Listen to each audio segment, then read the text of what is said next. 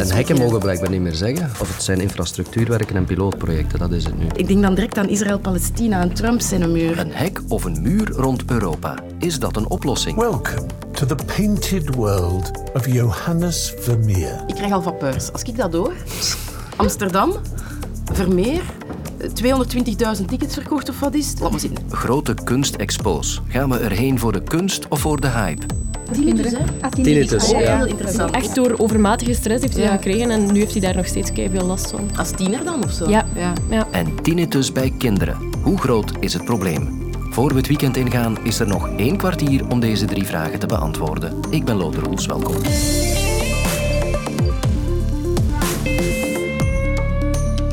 Borders must be managed, and for that we will focus on two pilot projects on borders. Mijn zorg was dat het helemaal zou gaan over dat grenshek alleen. En dan loop je vast. Dat is eigenlijk heel pragmatisch opgelost. De Europese lidstaten zijn het op hun migratietop gisteravond eens geraakt om de buitengrenzen beter te bewaken. Hoe dat er dan concreet moet uitzien, dat is nog maar de vraag, want niet iedereen wil even ver gaan. Rob Heirbout, onze Europaman. Rob, wat staat er in die gezamenlijke verklaring? Wel, de Europese lidstaten zijn het erover eens geworden dat de Europese Commissie Europees geld moet gebruiken om eh, buitengrenzen te versterken. Versterken met allerlei apparatuur, eh, gaande van drones tot camera's, tot eh, jeeps om langs de buitengrenzen te patrouilleren. Het woordje infrastructuur staat er ook in, maar het wordt niet gespecifieerd eigenlijk met zoveel woorden wat er precies mee bedoeld wordt. En er komen ook proefprojecten om op enkele plekken aan die buitengrenzen ja, zulke maatregelen in te voeren om die buitengrenzen daar te versterken. Het woord infrastructuur staat erin, dus wat er niet in staat is een verwijzing naar hek of muur. Dat ligt erg gevoelig. Dat hè? ligt supergevoelig. De Luxemburgse premier Bettel eh, heeft daar enorme bezwaren tegen dat er Europees geld zou gaan naar hekken, naar muren. Maar als je dit akkoord goed begrijpt, dan zie je, dat is ook wat de Oostenrijkse bondskanselier gezegd heeft, ja, we gaan nu Bulgarije helpen om zijn grens met Turkije te versterken. Bulgarije krijgt Europees geld voor camera's, voor drones, noem maar op.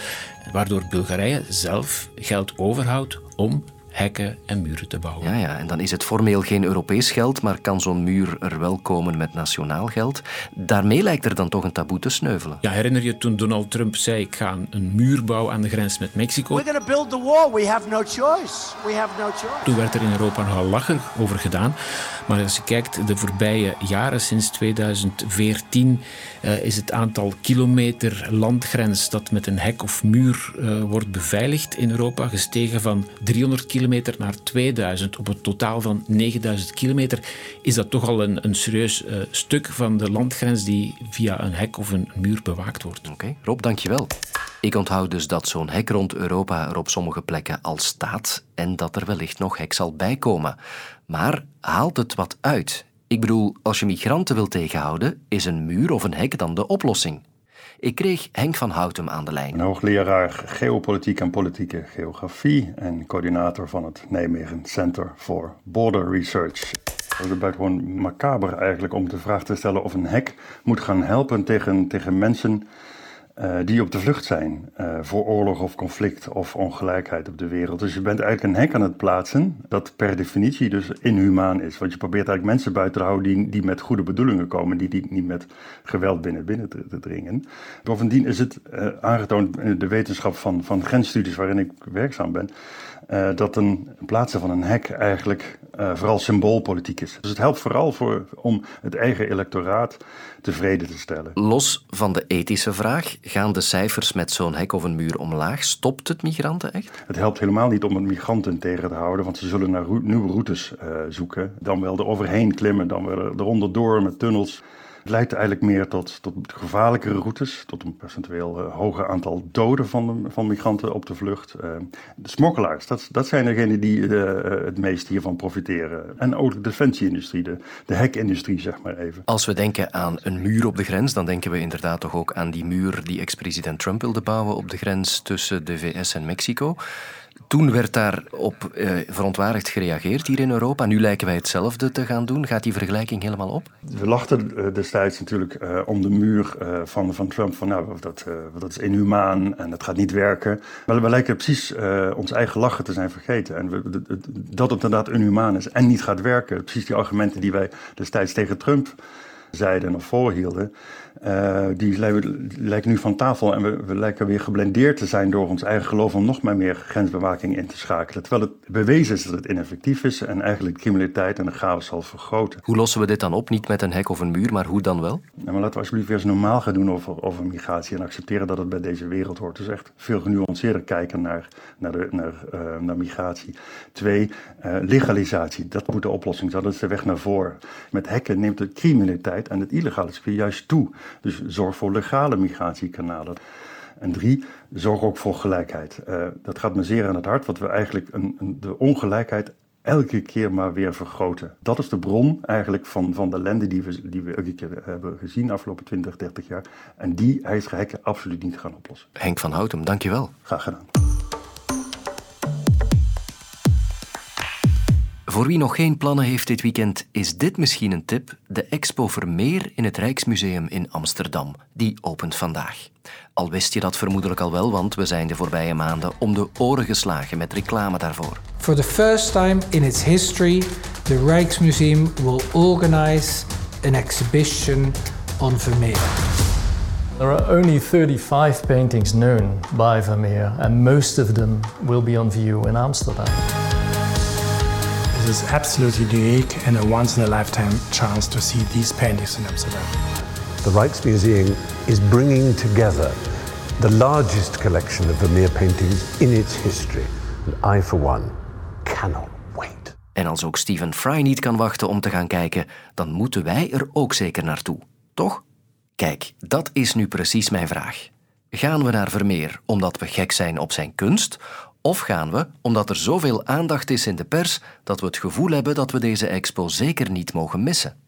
Ik legde het dilemma voor aan cultuurcollega Joris Vergeilen. Ik ga een paar commerciële termen gebruiken die je niet meteen met kunst associeert misschien. Maar je moet expos in de markt zetten. Elk museum heeft een persdienst of een communicatieafdeling en die draaien in aanloop van de start van zo'n expo ook overuren. Wat is de unique selling point? Waar zit de nieuwswaarde? Wat zullen journalisten oppikken? Welke sappige verhalen hebben we? Het eerste, het grootste, het duurste, nieuw, pas ontdekt. Daar zijn journalisten naar op zoek. In het Rubenshuis tonen ze in 2019 het schilderij De kindermoord van Bethlehem. Dat werd dan Duurste Rubens komt na 400 jaar weer thuis. In het Rubenshuis in Antwerpen is vanaf vandaag de duurste Rubens ooit te bekijken. Het gaat om het schilderij De kindermoord in Bethlehem. Het werk was de voorbije 400 jaar bijna niet te zien. Want was het duurste geveilde werk van Rubens tot nu toe al zo lang niet meer te zien, dan heb je een verhaal natuurlijk. Wat maakt die dan zo duur, hebben wij ervan gemaakt. Hè? 55 miljoen euro, wat maakt die zo duur? Of nog, daar krijgen ze een bruikeleen in het Rubenshuis, een schilderij van Tintoretto. En daar zetten ze dan in de verf dat die nog uit de collectie kwam van David Bowie. Kunst linken aan beroemdheden, dat werkt ook. Stephen Fry bijvoorbeeld, die wordt nu gelinkt aan Vermeer, die leest het daarin. Welcome to the painted world of Johannes Vermeer. Expos zoals die over Vermeer, daar wordt jaren aan gewerkt. Onderzoek naar die schilderijen en de resultaten van dat onderzoek, ja, die worden gebundeld. Dat wordt achter de schermen goed bekeken wanneer ze die info lossen. En ook hier geldt: there is no such thing as bad publicity. Je kan alles zo draaien dat het een goed verhaal wordt, waardoor je expo in de aandacht komt, waardoor mensen getriggerd worden om tickets te kopen. In oktober vorig jaar bijvoorbeeld heeft de National Gallery in Washington, Verenigde Staten, op basis van onderzoek verklaard dat een paneeltje van Vermeer uit hun collectie, Meisje met de fluit, toch niet van Vermeer is, maar uit zijn onmiddellijke omgeving. There is big news in the art world. A painting thought to be by Johannes Vermeer isn't a Vermeer after all. Ja, een maand later heeft de directeur van het Rijksmuseum samen met de curator in New York, dus ook voor de Amerikaanse pers, een persconferentie belegd om te laten weten dat zij oordelen dat het wel een echte Vermeer is, op basis van hetzelfde onderzoek dan heb je een verhaal. Een Vermeer die opstijgt in Washington als niet-Vermeer en in Nederland land als een echte Vermeer. Dat wordt breed uitgesmeerd, zodat je dat ook zelf met eigen ogen wel eens wil bekijken. Dichter bij huis heeft het KMSKA het helemaal volgens het boekje gedaan. De opening was in september vorig jaar. Nu, in maart vorig jaar kwam het eerste schilderij naar boven. Daar hebben ze een persevenement van gemaakt met politici. En daarna om de zoveel tijd een nieuwtje. En kwamen ze dus opnieuw in de kranten.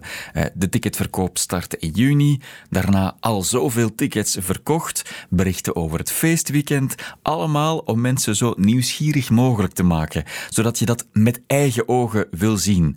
FOMO, Fear of Missing Out, dat werkt goed in tentoonstellingland. En ja, grotere musea die hebben natuurlijk ook grotere communicatieafdelingen. Die kunnen heeldere strategieën bepalen. Kleinere tentoonstellingen, eh, je zou kunnen denken dat nieuws wordt een beetje verdrongen door de grote jongens. Weet dat wij als journalisten ook daar natuurlijk wel op zoek gaan, zelf actief op zoek gaan naar goede verhalen en nieuws. En dan wil ik het nu hebben over een probleem waar veel mensen mee kampen. Het kan zo klinken, maar ook zo.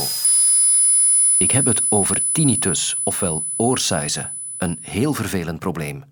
Het kan ontstaan door te veel lawaai, maar ook stress of een infectie kunnen de oorzaak zijn. En het blijkt een typische muzikantenziekte. Anthony Kiedis van Red Hot Chili Peppers heeft er last van.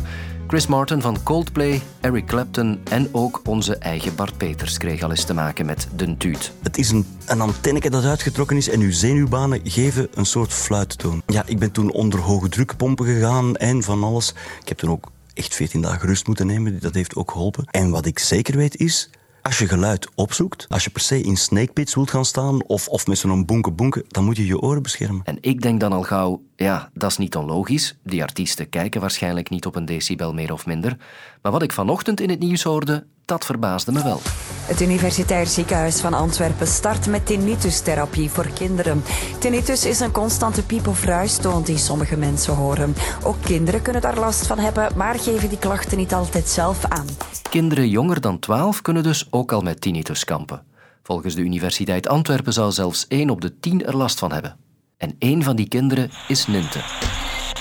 Toen lag ik in bed en toen hoorde ik opeens een piep, een hele hoge toon. En het is wel constant, het is geen muziekje of zo. Het is wel echt een piep. En ja, je kan er bijna niks aan doen. Als ik in mezelf lees, dan heb ik die piep en dan kan ik me niet concentreren op het lezen. En dat je de enige bent met een piep, dat is niet leuk. Hoe groot is het probleem en wat valt eraan te doen? Ik legde mijn oor te luisteren. Ik hoor u perfect. Ik heb een heel helder signaal. Bij audioloog Bart Vink van de UGent en het expertisecentrum Ongehoord. Op het moment dat je je hoge frequenties beschadigt, bijvoorbeeld door naar een luide fuif, schoolfuif of concert te gaan, dan zullen een aantal van die cellen beschadigd geraken en dan zal het effect zijn dat je een piep of een ruis hoort. Maar heel vaak zullen die jongeren, en dat is een fenomeen die we ook steeds meer zien, niet alleen klagen van het feit ik hoor een piep in mijn oor, maar ik verdraag ook geen geluid meer. Geen scherpe geluiden, scherpe kinderstemmen of het geluid van een bestek uh, leegmaken van de vaatwas. Dan gaan mensen de neiging hebben om oorbeschermers te gaan dragen, ook in situaties waar dat absoluut niet nodig is. Het zijn symptomen. En een heel belangrijk element is dat ons lichaam in eerste instantie een symptoom produceert om ons een boodschap te geven dat iets fout loopt in het lichaam. Dat wil zeggen dat de aanpak vooral erin bestaat om de oorzaak uiteindelijk te gaan opsporen en daar iets aan te doen. De oorzaak van het probleem is niet enkel onderliggende oorschade, maar is ook de angst die de persoon ontwikkeld heeft voor dit geluid of emotioneel onderliggende problemen die dat kind of jongvolwassene uiteindelijk in zijn leven heeft. U moet eigenlijk de bron van het probleem aanpakken en dus multidisciplinair naar dit uh, probleem gaan kijken en op korte termijn een behandelingsstrategie voor dit kind uh, voorstellen. Er zijn twee redenen waarom we eigenlijk een toename van het probleem ogenschijnlijk zien, is meer gehoorschade door meer blootstelling aan geluid en aan de andere kant een toename van de angst voor geluid in de maatschappij. Kijk, als het met u niet goed gaat en u bent zeer angstig voor het geluid of u hebt gelezen op Dr. Google dat bij tinnitus dit kan leiden tot zelfmoord bij sommige patiënten of tot euthanasie, dan gaan een aantal jongeren daar heel angstig en negatief gaan op reageren, die vaak het symptoom in belangrijke mate gaat versterken. En een heel belangrijk element is dat patiënten niet de boodschap krijgen van er is niets aan te doen, dit is voor altijd en we zullen nu een paar tips en tricks geven om er leren mee om te gaan. Dat is absoluut een foute boodschap. De boodschap voor iedereen moet zijn, zoek de boodschap die achter het symptoom zit en geef het kind terug perspectief, zodanig dat het begrijpt dat het geluid op zich niet de bedreiging is, maar dat dit perfect onder controle kan worden gebracht. Vele kinderen zeggen op het einde van de behandeling tegen mij, ik heb nu een plan en ik weet op welke manier ik dit probleem zelf onder controle kan krijgen. Toch maar beter beschermen die oren van je dit weekend. Tot maandag. Heb je vijf minuten? Michel Cuvelier zet elke vrijdag vijf nieuwe nummers in je playlist. De nummers waarvan je nog niet wist dat je ze nodig had. Ontdek vijf voor je playlist, nu in de app van VRT Max.